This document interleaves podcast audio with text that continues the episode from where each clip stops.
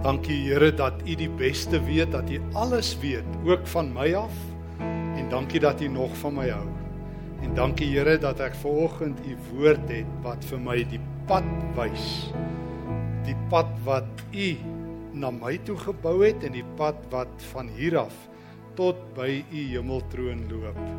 Wil U vanoggend ook Here helder en mooi met my praat dat my ore en my lewe oop sal wees, dat U woord 'n woord sal wees wat ook vrug dra soos wat U dit beplan.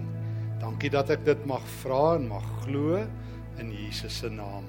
Amen. Volgens se preek het nie ten doel om vir jou verskoon die Engelse to-do list 'n uh, moet doen lysie te gee nie, maar ehm uh, eerder 'n uh, instruksie vir die lewe, 'n life instruction. Rolmodelle. Ons almal ken die woord en ek dink ons almal as ek jou sou vra, Wie is jou rolmodel? Dan sal jy iemand in jou kop hê. Uh, ek het twee dinge geleer wanneer rolmodelle ter sprake is uh, in my eie lewe, dis my net my eie waarneming en dit is soos wat mense ouer word, het hulle al hoe minder rolmodelle, miskien is hulle ontnigter deur hulle helde, ek weet nie. En die ander ding, ek het amper nog nooit, nee wag, laat ek eerlik wees, ek het nog nooit iemand raak geloop wat vir my sê sy rolmodel is Paulus of Johannes of Lukas nie. Christene gebruik nie Christene as rolmodelle, ten minste in die Bybelfigure nie. Meeste Christene weet dan so iets van die Bybel. Hulle weet daarom Moses was ergens by 'n see. Uh nou miskien nie Maagheid nie, maar hy was ergens deur eene. En ander ouens weet daar was 'n vis of iets wat met Jona gelol het. En party ouens weet Dawid was 'n koning en ander ouens dink Paulus was sy buurman. Maar Christene gebruik nie die Bybel veral nie die Nuwe Testament nie. En sal jy glo die Nuwe Testament beopdrag ons gee vir ons 'n opdrag. En ek moet bely dis die eerste keer in my hele lewe dat ek dit preek volgens So wys jou ek mis dit ook en dalk dan neem ek jou nie kwaadlik as jy dit ook gemis het nie. Ons is almal maar half in die moeilikheid. Paulus skryf in 1 Korintiërs 11 vers 1. Ons is op pad na die Filippense brief toe, maar ek wil hy skryf in in 1 Korintiërs 11 vers 1. Volg my voorbeeld. Soos wat ek die voorbeeld van Christus volg. Letterlik in die oorspronklike taal sê hy boots my na. In Engels imitate me. Boots my na dis 'n Nuwe Testament opdrag. Staan in God se woord. Jy moet 'n rolmodel hê. Verkieslik 'n gelowige uit die Bybel uit die Nuwe Testament op pad na die Filippense brief. In Filippense 1 lees ek in Filippense 3 dat hy dit ook in vers 17 vir die gemeente in Filippi sê. Hy skryf vir hulle wees my navolgers en let op mense. Kyk na mense wat leef volgens die voorbeeld wat ek vir julle stel. Dis 'n Bybelse opdrag dat jy jou lewe moet modelleer. En ek bedoel mense doen dit. Jy moet net rondom jou kyk.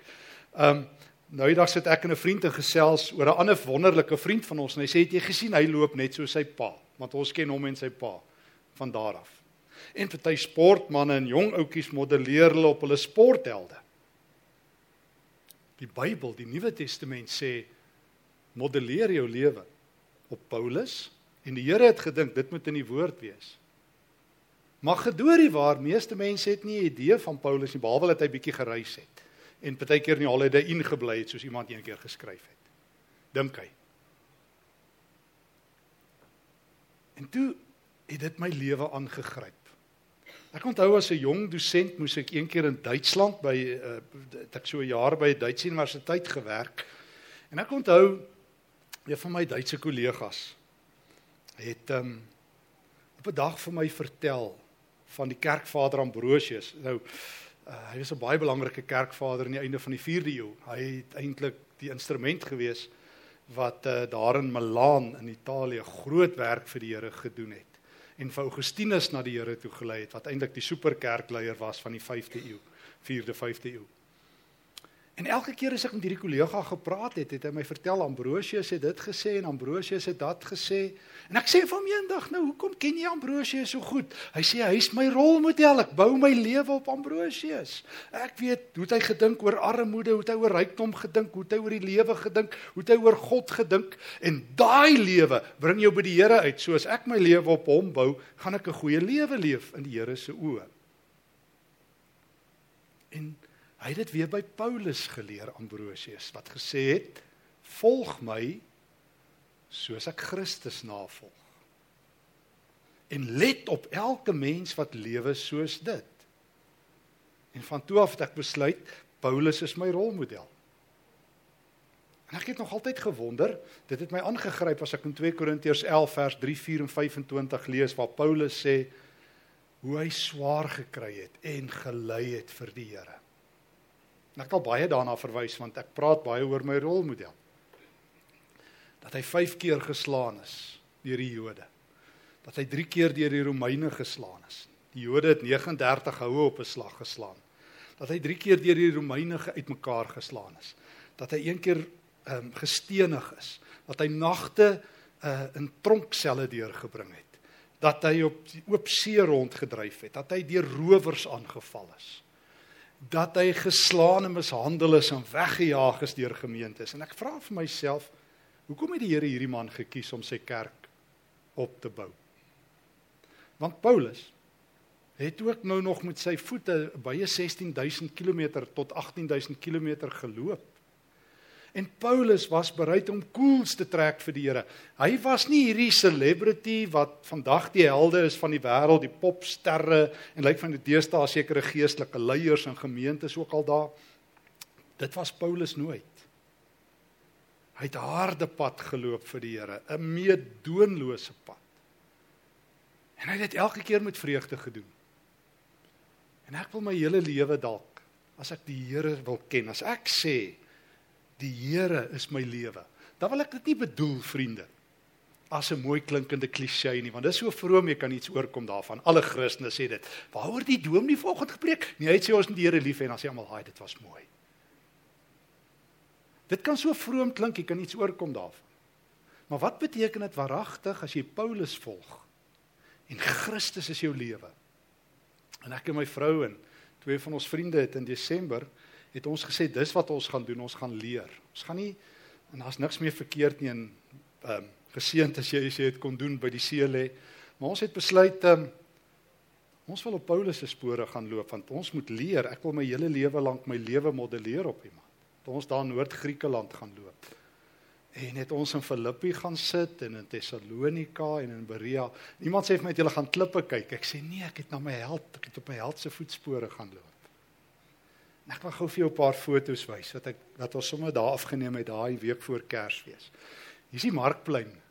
Dis net klippe, dit is so, maar ek het Paulus daar gesien. Handelinge 16, hy het daar gestaan nadat hy 'n duiwel uit 'n vrou uitgedryf het. En toe gryp hulle hom, toe slaan hulle hom op daai markplein in stukke. Uh, en hulle mag dit nie gedoen het nie, maar sy klere uitgetrek, hulle het hom kaal uitgetrek en toe slaan hom. In die volgende foto wys maar net weer die markplein so uit 'n ander hoek uit. En toe vat hulle Paulus en ek het gedog is 'n groot stad en maar dit is nie. Toe vat hulle hom net daar en ek het letterlik hierdie foto geneem van die tronk af waar Paulus gegooi is.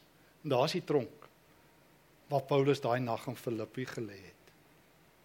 Ehm um, een van my vriende sê kom dit nie net oorgeklim nie, maar dit sê vir Goed. Maar dit was dit was die tronk en nou die, ek het so oor daai tronkmuurtjie gaan lê.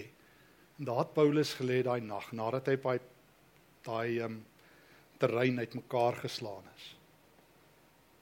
En die Romeine het nie getel as hulle jou slaan nie. Hulle het jou geslaan tot jy pap is. Tot ek dink hoeveel bene hulle van jou kon gebreek het. En toe vat hulle hom, hulle gooi hom in daai tronkie en hulle het hom met houtblokke om sy voete vasgemaak en hom in Silas of Silwanus daar laat lê. En teen middernag, vertel Lukas, het hy lofliedere begin sing. Ek meen lofliedere. Ek meen, wat sing jy as jy uitmekaar geslaan is nadat jy honderde kilometers met jou voete geloop het om uit te kom en hulle slaan jou uitmekaar. En ek wil weet wat is die geheim van Paulus? En hy beskryf dit in die Filippense brief en ek wil saam met jou aansluit. Ek wil net so drie dinge uitlig saam met jou in Filippense 1 vanaf vers 12. En ek sê weer, hierdie is nie 'n to-do list nie. Dis nie 'n lysie van dinge nie. Dis 'n manier om te gaan lewe want dis hoe hy geleef het. Ehm um, Wat maak dat jy sing? Wat maak dat jy lof sing? Wel Paulus het een ding geweet van die lewe van Christus. Die lewe waartoe Jesus my roep. Wanneer jy Jesus volg, waaragtig volg, nie die soort kerk se middelmatige volg nie. Wanneer jy jou lewe aan die Here gee. Wanneer die Here sy lewe vir jou gee en jy gryp daai lewe aan, dan verander alles. In vandag se taal, Paulus het geweet Jesus is nie 'n aanvulling nie. Hy's die alternatief. Jy soos ek altyd vir myself sê en al 'n paar keer gesê het, ons almal weet van aanvullings. Mense drink altyd 'n vitamien aanvulling of 'n een van 'n proteïene of wat ook al net om bietjie jou aan die gang te hou. En baie ons gebruik maar godsdiens so. So aanvulling.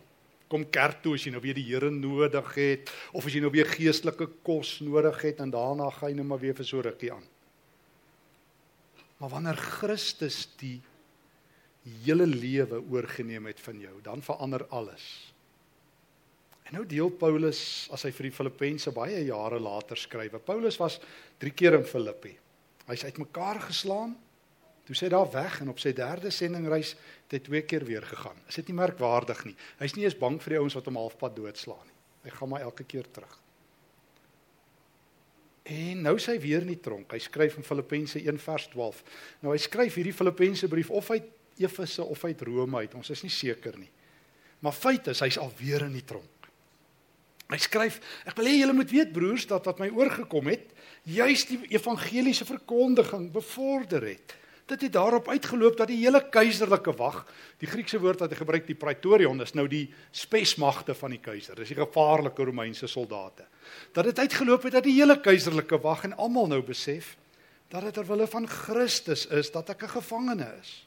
Deur my boeye is die meeste broers ook aan hulle vertroue op die Here gesterk en waag hulle dit nou al hoe meer om die woord van God onbevreesd te verkondig. Julle, hier sit Paulus alweer in die tronk. Nou tronke is horribale plekke.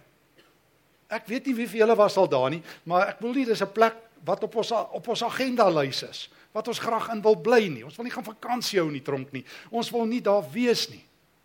Doomie vriend van my vertel my juist nou die dag van 'n van een van sy gemeentelede wat toe nou die aand in die tronk beland of nou so rukkie terug. Hy het te vinnig gery van daai soort spoed wat jy nie 'n keuse het nie, jy gaan tronk toe. En toe in die tronk land, toe weet hy is nie moeilikheid want daar hang 'n paar mense uit wat jy nie onder jou vriende wil hê nie. En hy weet hoe dis klaar toe hierdie hy sê daar kom so ou en hy vat al die lig, so groot is hy en hy kom sit hier langs hom. En daai man sit sy hand op sy been en hy weet dis verby. En daai man kyk vir hom en hy sê The Lord told me to sit next to you to protect you. En hy tronk. Hy sê en daai ou kyk net so vir daai mense en niemand kyk vir hom nie want hy's so groot. Hy is soos Arnold Schwarzenegger op steroïdes. Wel ek dink Arnold was op dit mag skiet nie goed in elk geval. So daar sit hierdie ou en hy sê tot in die tronk het hy die Here beleef. Maar hier is die eerste ding wat ek by Paulus leer as 'n manier van lewe. Moeilikheid is nie 'n plek om van weg te kom nie. Moeilikheid is 'n plek om 'n verskil in te gaan maak. Dit en ek dink ek blaas teen die noorde wind ek dit sê. Want 80% en ek ek sê dit elke keer laat ek dit versigtig sê seker omdat ek nou onlangs 'n boek oor immigrasie moes skryf, hy sal nou ergens verskyn. Maar vir, dis nou vir Suid-Afrikaners nie eens meer 'n gesprek nie, jy kies vir jou veiligheid. En dit is oukei. Okay. Ek het al 5 jaar in die buiteland gebly. Maar ek sê altyd, die een ding wat ek by my held leer, veiligheid is nie 'n morele keuse nie. Iemand sê vir my nou dat hulle doen dit vir hulle kinders. Ek sê dit al die prys van jou kind se siel bereken voor die Here.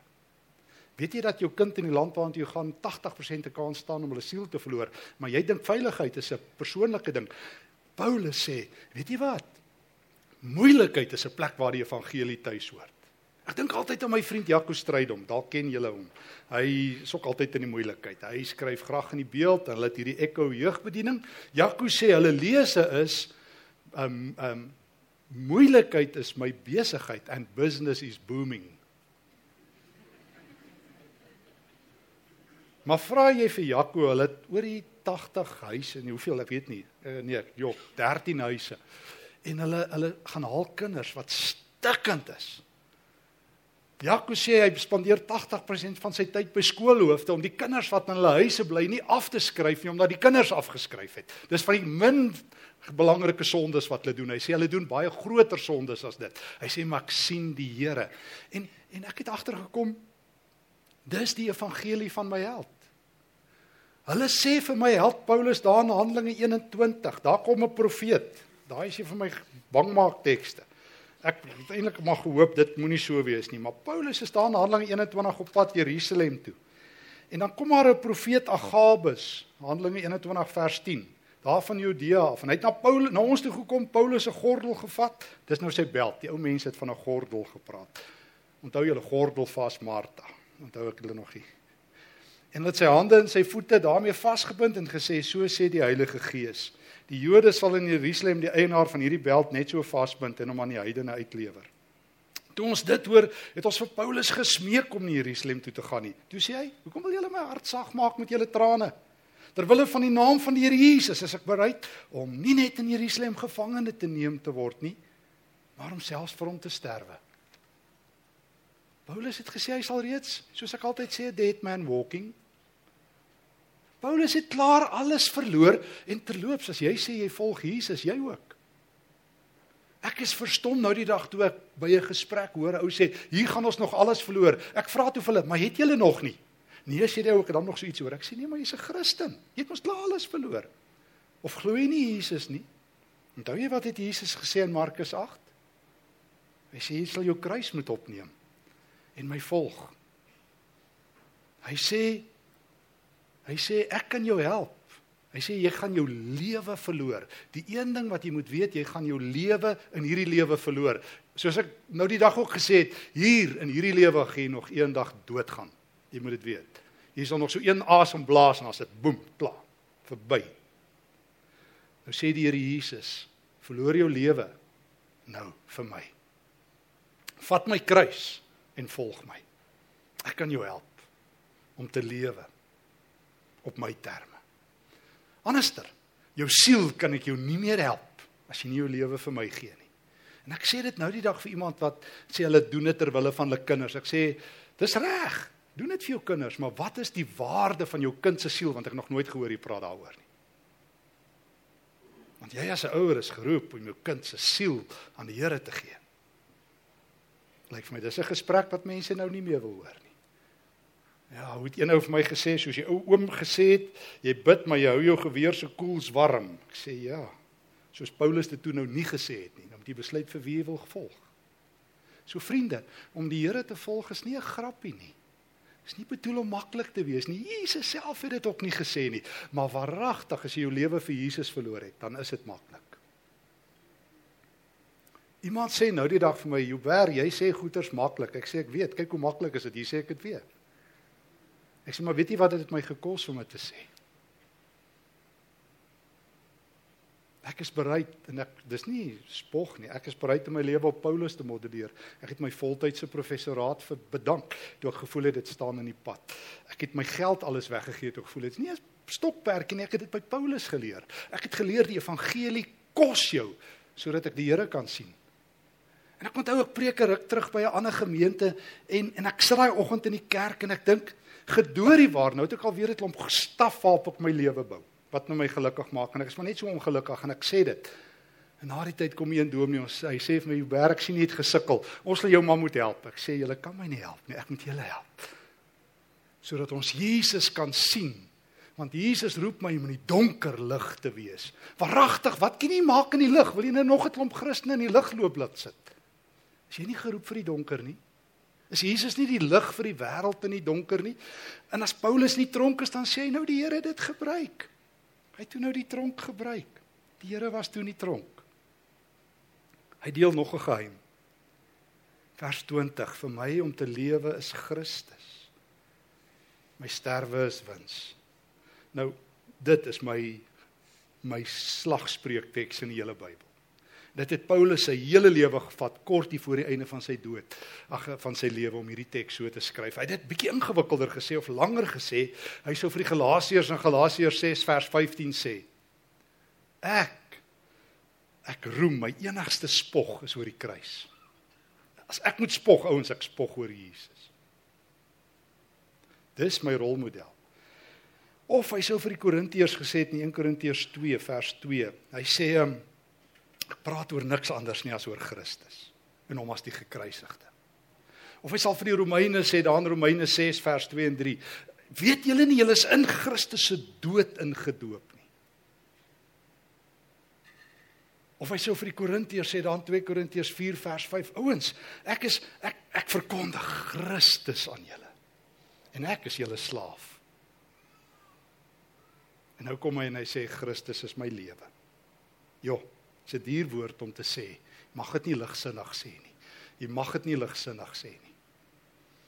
Ek onthou so 'n paar jaar gelede, 'n hele paar jaar gelede het ek nog voltyds by Tikkie se dosent was toe, het ons so ouer daar by ons huis bou. En hy sou so in 3 weke bou, maar hy het toe 3 maande gebou tot my vrou se frustrasie en my vreugde. Want ek ontmoet hierdie oude se Engelsman, 'n Ier. En in my eie stereotipe is bouers is maar, ekskuus as jy 'n bouer is, jy's nie grappie verstaan. Een van my vriende sê altyd jy kan of 'n Christen of 'n bouer wees. Dit is wederzijds uitsluitend. Dis een van my bouervriende wat dit vertel. Maar hoe dit ook al sê, dis nie waar nie, maar is net. Ja, goed. Maar hierdie ou sien iets in sy lewe en ek sê van wat is dit in jou lewe? En hier begin hierdie ou my vertel, hy was 'n direkteur van OK Bazaar. En toe loop hy in Jesus vas en Jesus in hom en hy sê hy het dit alles gelos. Nou bou hy met sy hande. En dan loop hy elke aand op sy plot sodat hy die Here kan hoor. En soos dat ons ure in teologie praat, dan sê my vrou, "Wanneer gaan Colin bou?" Dan sê ek, "Wanneer ons oor die Here klaar gepraat het." En so gaan 'n dag in 'n dag. Hy sê, "Colin, los nou die bouery. Ek moet by jou leer." Die Here stuur toe my bouer om my te leer. Hier loop loop ek 'n mens raak wat Jesus hier in Suid-Afrika volg met 'n getuienis wat my net wegryk. En ek onthou dit was so voor Paasfees en ek sê vir hom Colin ek moet nou vanaand gaan preek. Hy sê vir my during Easter I will fast and pray for you. Ek sê baie dankie. Hy sê nee nee, julle julle ouens sê dit so maklik, julle Afrikaanse ouetjies. Jy loop sommer so in die winkelsentrum maar tussen die potte en die pan en sê, "Ag julle, ek dink aan jou of ek bid vir jou." Hy sê julle sê goeters net so. Hy sê ek gaan die naweek afvat om vir jou te bid. En ek onthou Paulus wat sê uh, vir die Kolossense in Kolossense 2. Ek sal die koels vat as julle net kan wegstap by wyse van spreuke. Vir die Korintiërs, ek sal in die middel van die geveg wees as julle op die paviljoen kan sit. Ek sal my lewe vir julle gee en dit is die derde ding wat Paulus leer. Ek leer eerstens by hom Christene is gebou vir moeilikheid, nie om pad te gee uit moeilikheid. Sê moeilikheid, wat s'ie gaan ons? Christene is gebou vir moeilikheid. Jy kan in 'n tronk die Here laat sien. Tweedens om te sê Christus is my lewe. Maar derdens om aktief te kies om tot voordeel van mense te lewe. Hm. Hierdie is 'n skokkende teks, hierdie woorde. Vers 23. Mooi saam met my dit volg. Van Filippense 1. Ek is in 'n tweestryd. Ek verlang daarna om, om nou dit klink vir my altyd so erg van die ou mense het altyd gesê jy gaan heen. Dan wonder ek altyd waarna toe. My ouma het altyd sê die oom het heen gegaan. Sê ek, "Ouma, waar is daai dorp?" Sê sy, "Nee nee, hy's dood." So nou sien ek die vertaling sê ook nog heen te gaan. Wat dit bedoel, jy gaan na Christus toe. Uh, dis nou net 'n Afrikaanse uitdrukking waar Paulus letterlik in die Griek sê ek verlang om by Christus te wees. Want is verreweg die beste. Maar hoor nou. Maar in hele belang is dit beter dat ek bly lewe. Nou in die Bybel weet ek van van Elia en ehm um, daar in Genesis daai oom wat hemel toe is, wat is sy naam? Ehm um, Henog, daar sê. Uh wat hemel toe lewendig is en dit lyk vir my Paulus het so 'n keuse gehad by die Here. Dis wat hy impliseer. Die Here het vir hom sê Paulus Paulus het vir ons alles gedoen wat ons moet. Jy het 18000 km geloop. Jy het die vroeë kerk geplant. Biljoene mense sal jou boeke lees. Paulus kom huis toe, ons sal kom feesvier saam met jou en toe sê Paulus, Here, kan ek so dag daaroor dink? My ouma sou gesê het as jy laf, my ouma het altyd gesê die Here moet my nou kom haal. Ek weet nie of julle familie dit ook sê nie, baie mense. Nee, die Here moet my nou kom haal. Ek was nou eendag by 'n kerk waar die ouens gesê het hulle bid nou vir die wederkoms. Ek sê, wil julle ook ontsnap? Ja sê hulle. Ek sê ek wil nie. Ek wil Jesus ernstig vat waar Jesus in Lukas en Johannes 17 bid, Vader, ek bid nie dat U hulle uit die wêreld sal wegvat nie, ek bid dat U hulle van die bose sal bewaar. Here laat hulle bly, laat hulle die hemel op die aarde bring. Laat hulle in Filippi in die tronke loflied sing. Laat hulle daar waar almal hooploos is, hoop gee. Laat hulle die tronkbewaarder na die Here toe lei. Laat hulle die spesmagte van die Romeine aan Jesus voorstel. Want die Here het ons gebou vir die donker saam met hom as die lig. Nou eendag vir iemand gesê, ek sal in die hel gaan preek as Jesus saamgaan. Julle belang is dit nodiger dat ek bly lewe. Kies Paulus. Sê vir die Here, ag Here, dis wonderlik. Ek kan nie dink hoe lekker dit moet wees nie. Maar Here, ek ek wil nog nog 'n rukkie op die aarde wees omdat ek hiervan oortuig is dat ek sal bly, ja vir julle almal sal behoue bly, sodat julle kan toeneem in geloof en in blydskap en groei. Ja, dis my held. My held, die Here se helde is anders as die wêreld se helde. Hulle vergeet hulle self. Hulle sê, "Hoe kan ek myself gee vir jou? Hoe kan ek 'n brug wees oor wie jy kan loop? Hoe kan ek jou dien?" Ek sê weer, Volgens se boodskap is nie 'n uh, te doen lysie oor hier's drie dinge en dan gaan doen ons dit nie. Dis 'n manier van lewe in die Here, 'n manier van in die tronk is die Here ook en die Here het my geroep om ook daar verskil te maak. Christus is my lewe. En my lewe is hier om jou te seën. Is dit met jou? Nomate is jou lewe 'n seën vir iemand anders? Hulle 'n paar jaar terug was dit nogal gewild geweest in die kerk by leierskap by einkomste om vrae te vra soos as die gemeente verdwyn, wie sal ons mis? As hierdie gemeente volgende week nie meer hier is nie, wie gaan ons mis? Ek wil 'n ander vraag vra. As jy nie meer volgende week hier is nie, wie sal jou mis? Ek weet jou familie sal hopelik, hulle gaan nie um, lofliedere sing nie, hopelik. Maar gaan 'n arme jou mis? Gaan iemand vir wie jy bid jou mis. En dis wat Paulus is. Want Paulus kan nie bekostig om hemel toe te gaan by wyse van spreuke nie, want hy's besig om in die hart van die hart van die evangelie mense te help om die Here te sien. Hy is 'n lewende seun van een. Is jy? Is jy besig om in die bres te staan vir iemand wat stikkend is? Veg jy vir 'n stemlose? Staan jy op Is jy besig om jou hakke in te slaan sê Here, al is ek die enigste ou, al is ek 'n minderheidsposisie, saam met U vir U en saam met U sal ek die bendes aanvat. En dan moet ek sterwe. Dan sterf ek in die Here. En dan moet ek val, dan val ek in U hande. En al is ek eh, die enigste een wat teen die wind blaas, blaas sal ek blaas solank dit die krag van die Gees is. So hoe lyk jou lewe? Wat gaan jy doen in 2020? Ehm, um, wie is jou rolmodel? Wat gaan jy maak as jy ver oggend hoor die Here is dodelik ernstig met jou?